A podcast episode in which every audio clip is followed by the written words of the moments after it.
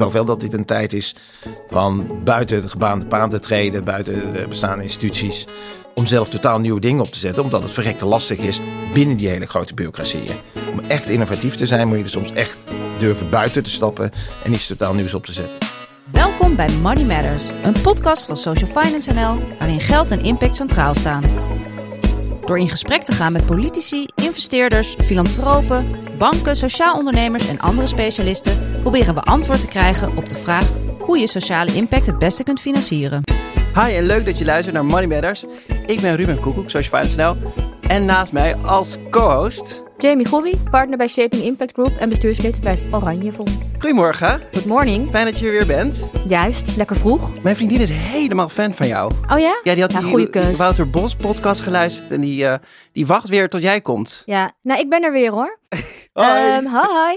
Nee, ik, eh, ik vond eigenlijk eh, het, het feit dat ze Wouter zei dat ik een, een soort Linda-gehalte naar de podcast bracht. Ik heb dat gewoon als compliment opgevat. Dat heb ik gedaan. Nou, en Linda, wil jij dan de volg onze gast introduceren? Vandaag bij ons te gast iemand met een afwisselende carrière. Zo werkte hij diverse jaren in Afrika. Eerst als diplomaat op de ambassade in Rwanda en later als senior econoom bij de Wereldbank in Oeganda. Tussen zijn jaren in Afrika was hij drie jaar hoofd van de stafafdeling bij de gemeente Amsterdam.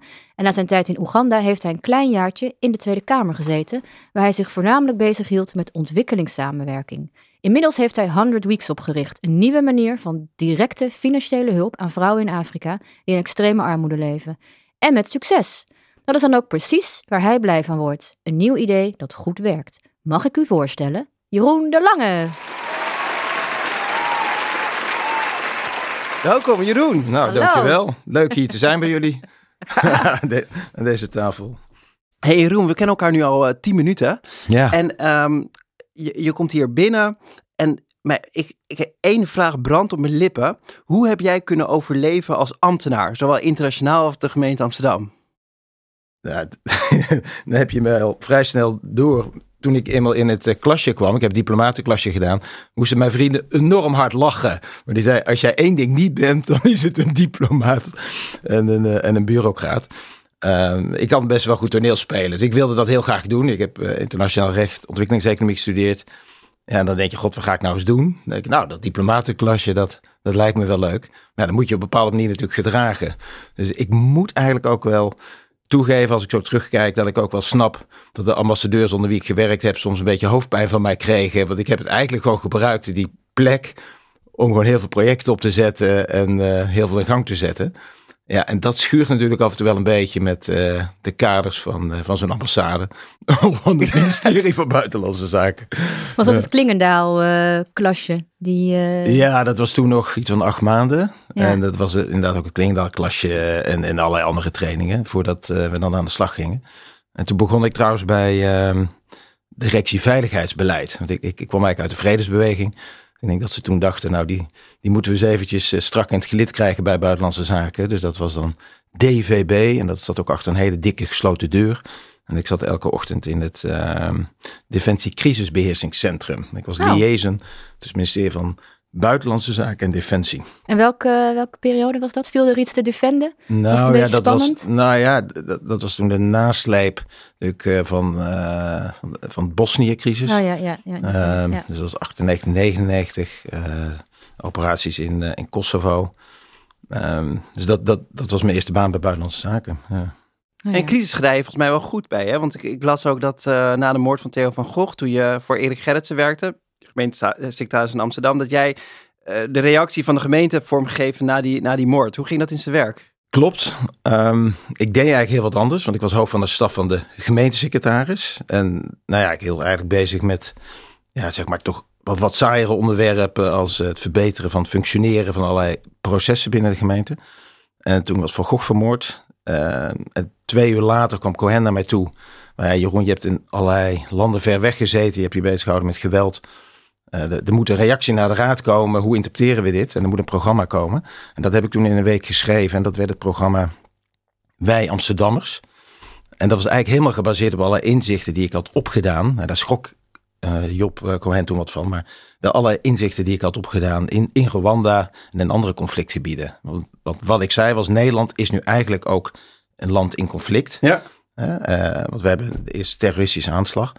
En als ik toen had gezegd dat jaren later eh, jongens uit Amsterdam-Noord, of geboren in Amsterdam-Noord, zouden gaan vechten bij een koppelsnellersbende, namelijk IS, in Syrië. Nou, dan had iedereen me helemaal een soort Cassandra gevonden. Uh, maar inderdaad, dat programma heb ik toen opgezet, ja. En we gaan het straks uitgebreid hebben over uh, direct giving en het, uh, hoe je met 100 Week het verschil maakt. Maar we beginnen deze podcast altijd met een persoonlijke vraag, namelijk in de rubriek De Uitglijder. We hebben allemaal eindverantwoordelijk aan tafel, maar ook die maken wel eens een financiële misser. Daarom ook aan jou de vraag: wat is de meest onzinnige uitgave die je hebt gedaan?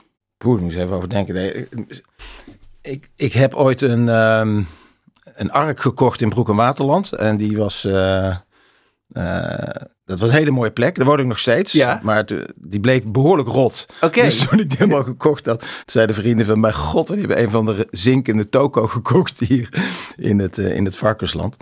Uh, maar uh, ja, heel veel aangeklust en dat is uiteindelijk allemaal goed gekomen. Want een ark en een, dat is een, een woonboot die niet kan varen? Ja, dat is gewoon een betonnen bak. Okay, en, uh, ja, en, ja, een soort houten huisje erop eigenlijk. En dat, dat was, was in niet zo'n hele goede, goede staat.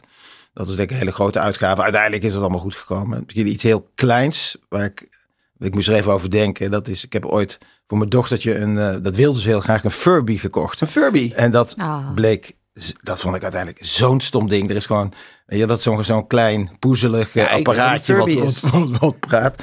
En dat, uh, uiteindelijk is dat nooit gebruikt. En toen dacht ik, ja, de wereld zit veel te veel vol met allerlei onzinnig staf. Dat we allemaal maar kopen en weer wegstoppen. Dus dat, uh, qua cadeaus zeg maar voor mijn kinderen was dat, uh, ja, was dat uiteindelijk niet zo'n uh, heel, goed, heel goed cadeau denk ik. Ik heb gisteren een plastic saxofoon gekocht voor mijn dochter van drie. Weet je dat je dan thuis bent en al denkt, ah ja, dat was gewoon een heel slecht idee. Ja, Want ik dacht, ik geef er even iets nieuws, want dan kan ik even werken. Maar dat is natuurlijk niet een saxofoontje geven. Dat is natuurlijk niet, dat is niet, dat is, dat is niet het ding waardoor je dan lekker rustig kan werken. Dan kan je geen calls meer doen. ja, dus dat was mijn misser van de dag. Ik, ik, kan, ik kan deze uitgeleider, ik heb dagelijks wel een, uh, een misser. Dankjewel voor dit uh, inkijkje. En we gaan verder met de volgende rubriek. In deze podcast zijn we op zoek naar antwoorden op de vraag hoe je sociale impact het beste kan financieren. En vandaag gaan we het hebben over de vernieuwende manier die Jeroen met 100 Weeks heeft opgezet. Jeroen, wat is 100 Weeks?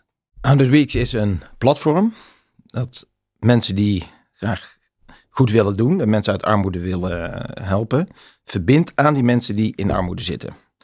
Dus het is een IT-platform. En wat we doen in de landen waar we werken, dat is uh, Rwanda, Oeganda, Ivoorkust en Ghana nu.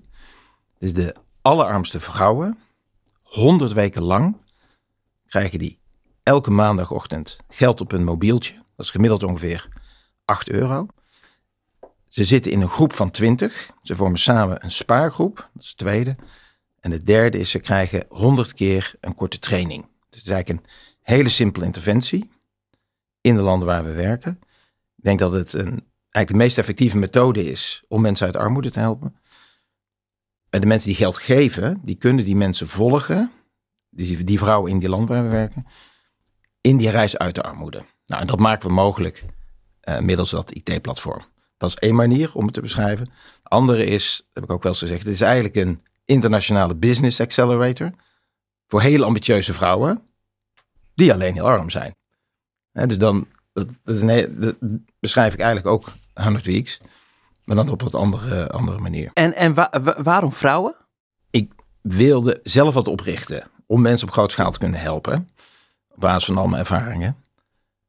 En ik kwam ooit op dat idee van gewoon geld geven toen ik bij de Wereldbank zat. En jaren later begon ik zelf met een initiatief, dat heette toen nog niet 100 weeks.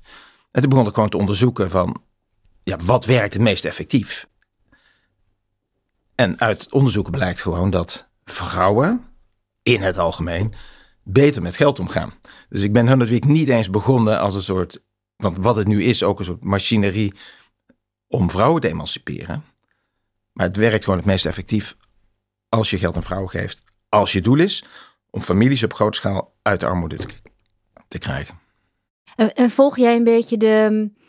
Ja, er zijn natuurlijk er zijn echt op een gegeven moment een beetje wat, wat trends op gang gekomen. Hè? Want er werd, ik denk, Eh, jij bent dit een, een, een, tijd terug al gestart, maar ik, ik heb zo het idee dat vijf, zes jaar geleden werd dat echt steeds bekender. En wel steeds meer type direct giving. En ook, ik weet dat Mercy Corpses volgens mij bankrekeningen gaan openen. Zit jij een beetje, uh, volg jij die trends een beetje? Of zit je, ben jij, word je daar ook ingeschakeld als, uh, als adviseur bijvoorbeeld? Want jij doet dit natuurlijk wel, wel als een van de eerste. Nou, er zijn nog niet zo heel veel organisaties die gewoon unconditional cash transfers geven. Hè? Wat wel al heel lang bestaat, zijn natuurlijk die microkredieten. Hè? Ja, ja. En wat wij doen is eigenlijk, dat zijn leningen. Hè? Dus dan, dan geef je een kleine lening aan bijvoorbeeld aan, aan, een, aan, jonge vrouw die een winkeltje heeft. En dan moet ze natuurlijk dan terugbetalen.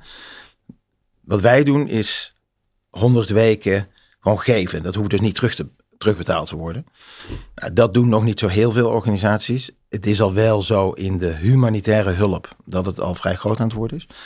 Maar gewoon in settings van zeg maar, structurele diepe armoede, waar niet een gigantische crisis is, is het nog wel vrij, uh, is het nog wel vrij uniek. Dus als percentage van de hele ontwikkelingssamenwerking, zeg maar een hele bak geld die gaat naar ontwikkelingssamenwerking, is nog steeds vrij, uh, vrij klein. Ik denk dat het de meest simpele en de meest effectieve methode is om mensen op grote schaal uit de armoede te krijgen. Als eerste stap. Dus 100 weken gewoon geld geven. Wat we nu ook aan het opzetten zijn, is daarna 100 weken microkrediet. Interessant. Voor de best, uh, voor de vrouwen die zeg maar meest succesvol zijn geweest gedurende die 100 weken dat ze geld hebben gekregen. En dat is bij ons ongeveer 30 procent. Hey, en hoe essentieel is IT voor jou, voor jouw organisatie of bij deze aanpak? Dus zo'n platform, et cetera. Uh, dat speelt een grote rol, denk ik. Want daardoor kan je transparantie creëren. Je kan ook, ja, in principe dus ook al die vrouwen direct bereiken. Is dat een heel speciaal IT-platform wat je zelf hebt moeten opzetten en ontwikkelen? Ja, nou, vanaf het begin had ik het idee, dit moet een IT-platform worden. En we hadden geen IT, dus dan, dat heet dan in IT-termen uh, een greenfield operatie. Dus we konden gewoon from scratch bouwen. En we hebben inderdaad de core van ons platform zelf met een IT-bedrijf uh, gebouwd.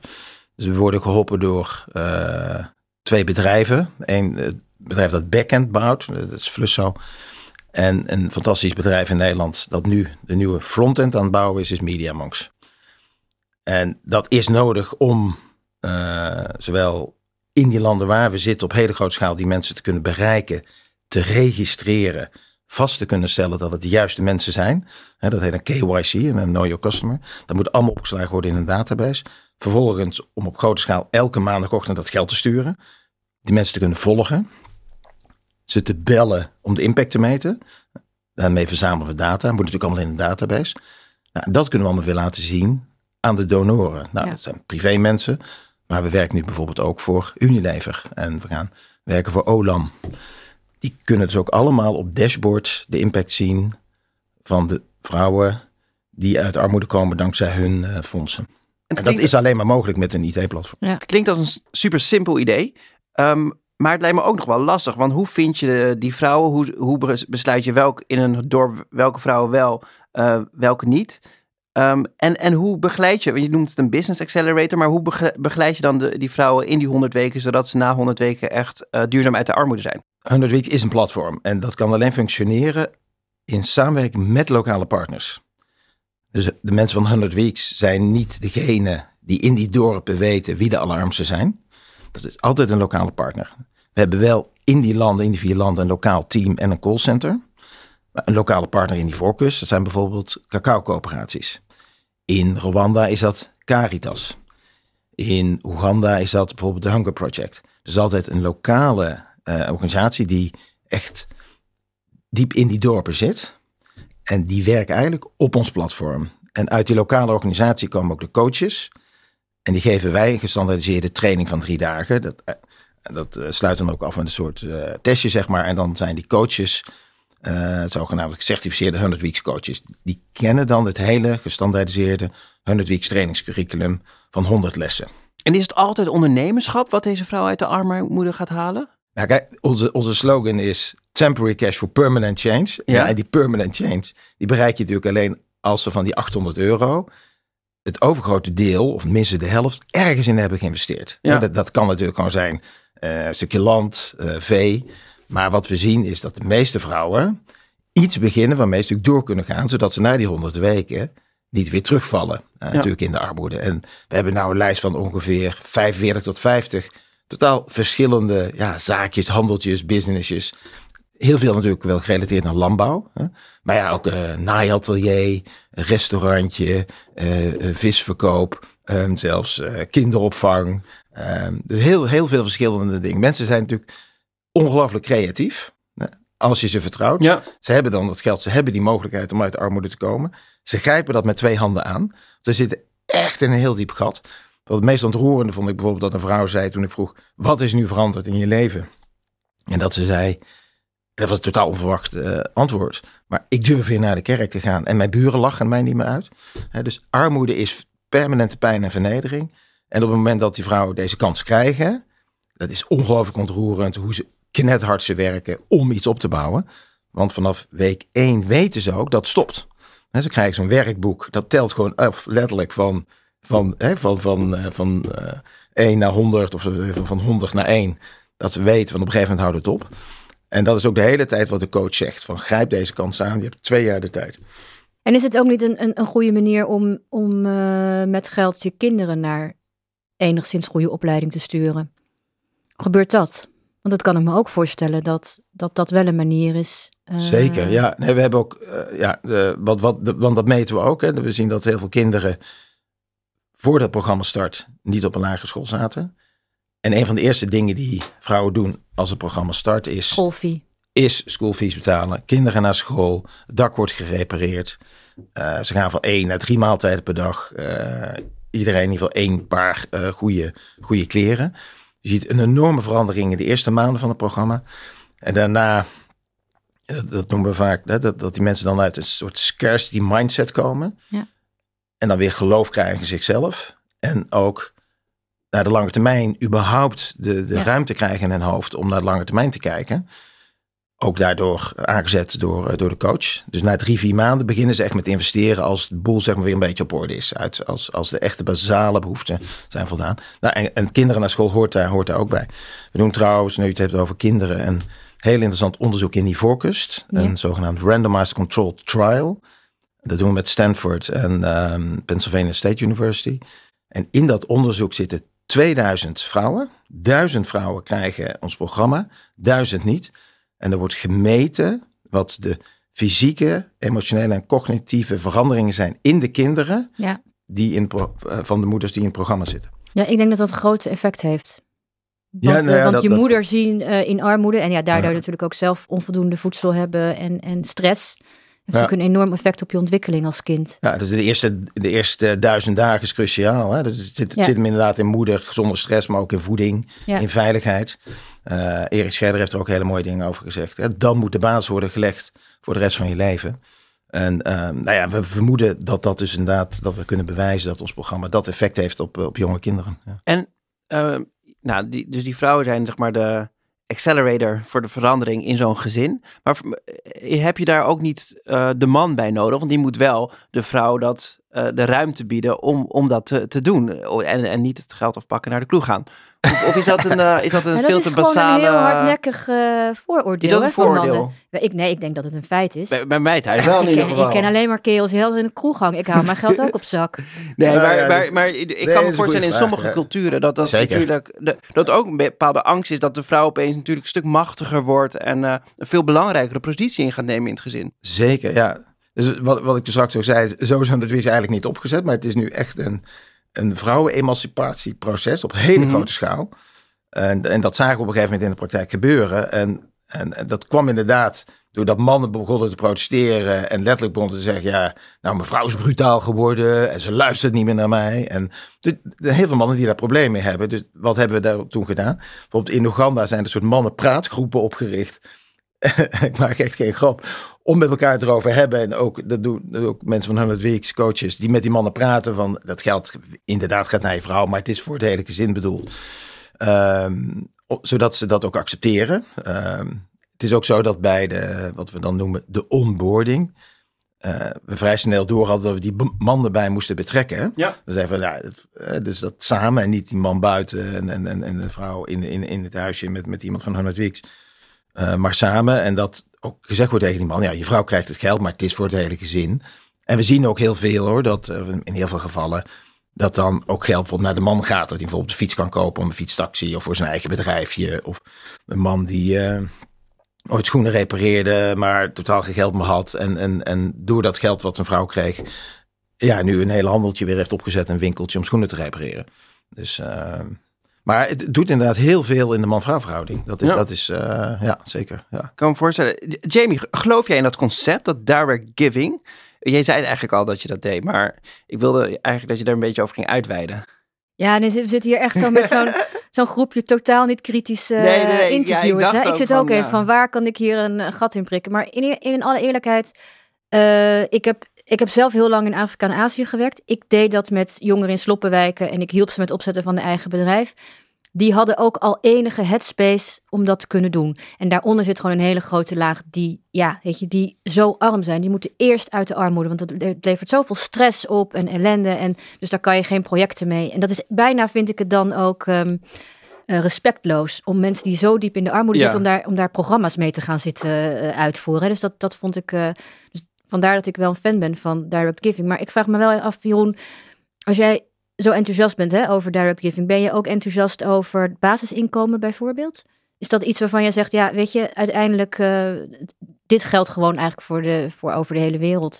Je hebt gewoon toch een bepaalde basis nodig. Wat wij doen is geen basisinkomen. Nee, dat klopt. Dat maar is, ik geloof, ik ik, geloof leg, een, heel erg. ik leg ja, een linkje. ja, nee. De ja. Linda-luisteraars willen dat eh, weten. Dat Jeroen. wordt ook wel vaak gevraagd inderdaad. Is het een basisinkomen? Kijk, wat, wat, wat, waar, ik in geloof is, is, is eh, mensen die diep in de problemen zitten en gewoon in een zwart gat en er zonder externe hulp absoluut niet uit eh, kunnen komen. Die hebben gemiddeld ongeveer twee jaar nodig. Dat heet de graduation model. En dat is een enorme push om, er, om, er, om eruit te komen. Dus dat is twee jaar een basis in je leven. Dat je weet, van, eh, nou, er is eten, ik kan mijn dak repareren, et cetera. Ik geloof niet in een basisinkomen op hele grote schaal voor al die landen. Dus ik geloof wel dat het uiteindelijk moet gaan om ondernemerschap. Ik geloof ook wel dat er, maar dan heb het over onze samenleving, dat er solidariteit moet zijn en dat iedereen op een minimumniveau moet kunnen leven. eh, en dat is natuurlijk in Nederland hoger dan, eh, hè, dan, dan, dan bijvoorbeeld in Rwanda. En in feite is onze uitkering natuurlijk ook een soort van basisinkomen. hè, Dat iedereen een minimumniveau heeft, ook al ben je werkloos. Hè. Ik vind dat mensen solidair met elkaar moeten zijn. Hè. Er zijn mensen die gewoon heel veel ongeluk in het leven tegenkomen. En die moeten ook waardig kunnen leven.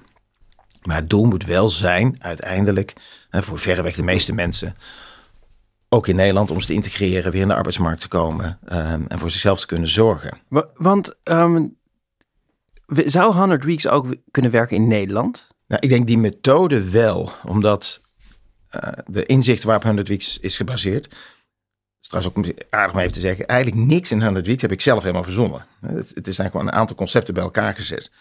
En dus wat blijkt uit heel veel onderzoek, en dat geldt volgens mij in, in bijna alle landen ter wereld, dat mensen ongeveer twee jaar nodig hebben om iets op te bouwen. Het is ook heel interessant dat als je bijvoorbeeld naar Startup Bootcamp gaat of een Business Accelerator, die programma's duren ook vaak twee jaar. Ja, je moet iets opbouwen, je moet kunnen testen, je moet kunnen falen, et cetera. Dus twee jaar is een goede periode. Dan training krijgen is natuurlijk evident. Hè? Eh, armoede is niet alleen gebrek aan, aan, aan geld. Dat ook voor mensen in Nederland. Het is ook bepaald dysfunctioneel gedrag. Dat je bepaalde skills mist. En je hebt wat extra geld nodig. En een groep, een steungroep. Ik heb zelf een soort van executive MBA gedaan. Ik heb het meest geleerd van, van de mensen om me heen.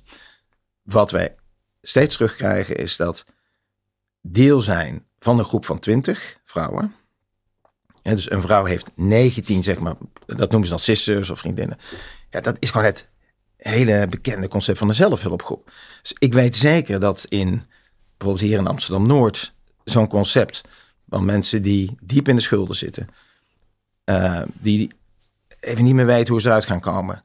Als je die deel maakt van een groep van 20, leert sparen, financiële planning, extra geld geven en training in diezelfde groep.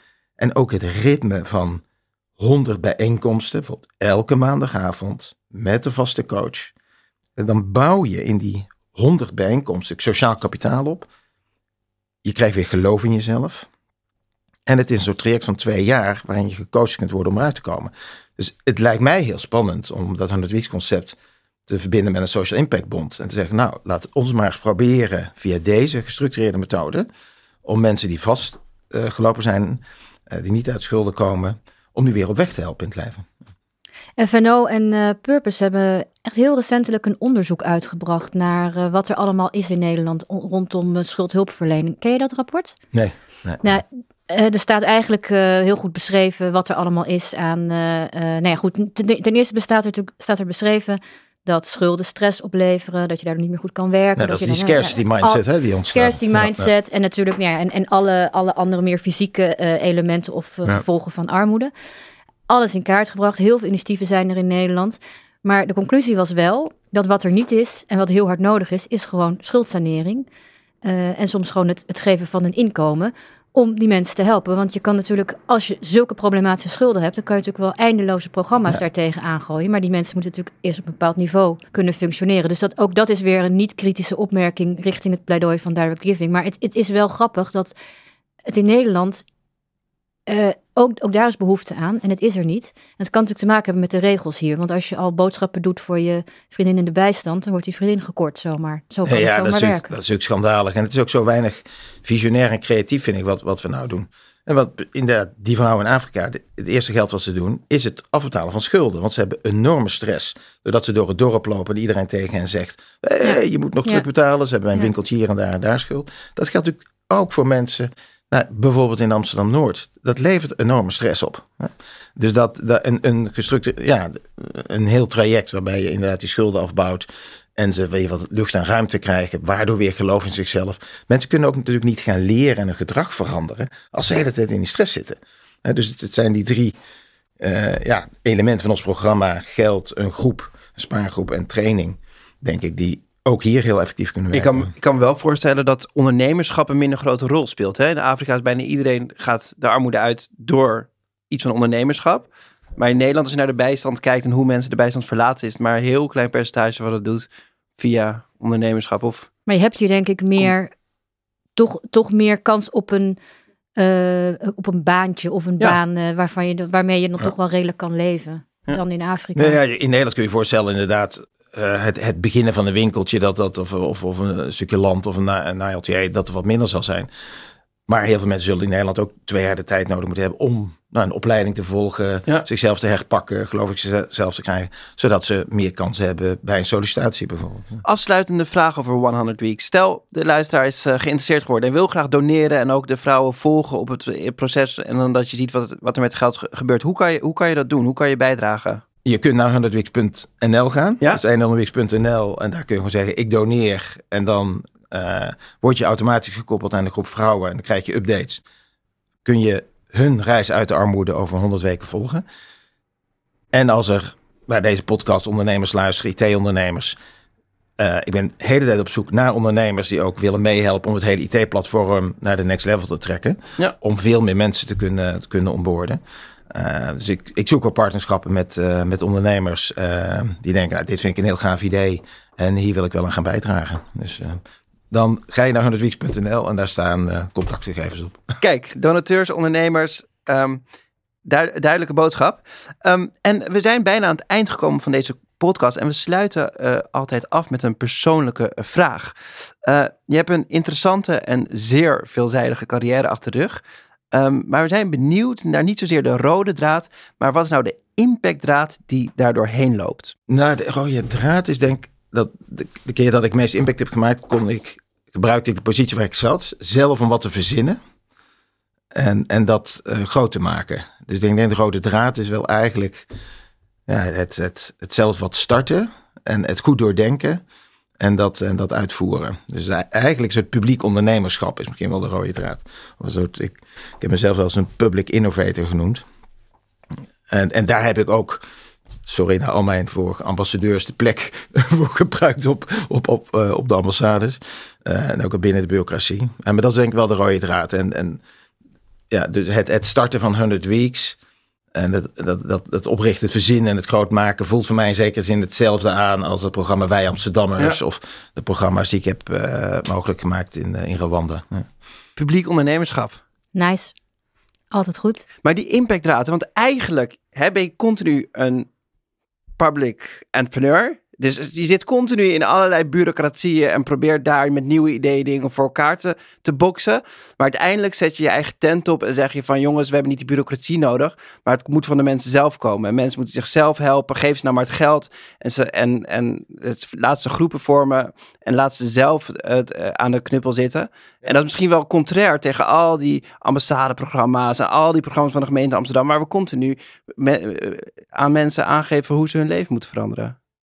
Nou, dat, dat ja. Nee, dit, kijk, het feit dat ik aan het Weeks zelf heb opgezegd, is natuurlijk ook omdat ik binnen bestaande structuren daar niet meer, niet meer zo geloofde. Dus ik geloof wel dat dit een tijd is van buiten de gebaande paan te treden, buiten de bestaande instituties, om zelf totaal nieuwe dingen op te zetten, omdat het verrekte lastig is binnen die hele grote bureaucratieën. Om echt innovatief te zijn, moet je er soms echt durven buiten te stappen en iets totaal nieuws op te zetten. Dus die sprong heb ik inderdaad gemaakt, ja. Jamie, wat neem jij mee uit deze podcast? Ja, ik zit toch een beetje. Ik kwam hier al geïrriteerd binnen. Alles ging helemaal fout vanochtend. Behal, ja, bijvoorbeeld, hè, ik, had, ik heb best wel een goede hairday, maar ik zit dan hier bij een podcast. En dat je al denkt van, er gaat iets lekker, ja, nee, maar ik zit ja. bij een podcast. Maar en nu bleef ik toch een beetje op dat irritatielevel hangen waarmee ik binnenkwam. En dat komt vooral door die laatste opmerking ook, waar we het over hadden. Dat ook hier in Nederland het gewoon heel belangrijk is dat je direct geld zou kunnen geven om schulden te saneren. En of mensen met geld uit de armoede te helpen. Dus niet allemaal programma's van hoe voel je en wat denk je erbij. En hoe kunnen we, weet ik wel, hoe kunnen we mediteren om je minder stress te laten doen voelen. En het irriteert me dus eigenlijk dat wij dit in Nederland ook nodig hebben, maar heel, dat de overheid daar eigenlijk een stokje voor steekt om dit ook goed op te zetten. En wat neem jij mee, Ruben, uit dit gesprek? Ik vind het gewoon fascinerend uh, uh, hoe, je je begeeft binnen verschillende organisaties, daar succesvol in bent, maar daar ook tegen, tegen de, de, de barrières rondloopt die organisaties uh, vergen. Dus ik, ik, ik, ja, ik vind dat wel heel inspirerend. en, en ik denk 100 Weeks ja, volgens mij. ja, maar het wordt zo'n. Zo, we gaan er later nog kritische noten nee, ja. in, in, gewoon in nee, maar ik ga, ik, ik, ga, ik, ik, ik, ga, ik ga zo'n zo groep volgen. over twee jaar wil ik je graag terugzien, als dat goed is. En dan, dan kunnen we, kan ik ook echt zeggen of het uh, impact heeft gemaakt die, uh, die het gaan. Want dan kan ik zelf uh, kijken hoe, hoe het ja. met, met de groep gaat die, die, die ik. Ja, ga vol, volg het. En ja. ik, 100 Weeks heb ik ook echt zo opgezet en dat, okay, dat, dat triggert mij wat je nou zegt over mijn eerdere werk in bureaucratieën. Ik heb ook heel veel meegenomen van die plekken, wat ik per se niet wilde. Dus wat ik per se niet wilde is een gepolitiseerde omgeving. Dus en, ja. en, en, en, bureaucratie. Dus iedereen die binnen 100 komt werken, ook al zit hij er drie dagen, dan zeg ik, ja, ik heb het wel verzonnen. Maar als jij het beter weet, dan moet je het nu zeggen. Je hebt, hè, dus ik meen het ook echt letterlijk, ik zeg ook altijd, je hebt de obligation to disagree. Hè, dus gewoon, je bent hartstikke slim, je bent net van de universiteit, zeg iemand. Als je ziet wat we nu nog steeds niet goed doen, zeg het. Dus ik geloof echt ook in, in de cultuur binnen de week van, van, van de totale rational confrontation. En je mag alles tegen me zeggen. Nou, en dat is precies natuurlijk wat ik niet heb meegemaakt. Zowel in de politiek als in de bureaucratie. En, en ik geloof er heilig in dat, dat je daarmee gewoon de beste organisaties opbouwt. We krijgen ook heel veel feedback en kritiek van donateurs en van filantropen. En die neem ik ook altijd heel serieus. Want ik, dus ik neem een aantal zeg maar, bekende managementboeken, neem ik, probeer ik zo letterlijk mogelijk en zo serieus mogelijk te, te nemen. Er is natuurlijk heel veel management bla bla, wat uiteindelijk niet echt wordt toegepast. Hè. Bij McKinsey ja. zeggen ze ook, je hebt de obligation to disagree. En als je dan een, wat te vaak tegen de partner ingaat, dan heb je ook een groot probleem. Maar ik neem dat echt heel serieus als opricht van Henrik. En daar geloof ik ook heel erg. Dankjewel. Dankjewel Jeroen voor je tijd en al je interessante inzichten. Ook dank aan mijn co-host uh, Jamie en ABN AMRO en het Oranje voor het mede mogelijk maken van deze podcast. Productie Daniel van der Poppen, redactie Daphne Splegger en Nina Berkelo. En wil je niks missen van deze reeks, abonneer je dan nu op je favoriete podcast app of neem een kijkje op onze website www.sokvin.nl of 100weeks.nl. Tot de volgende keer. Bye.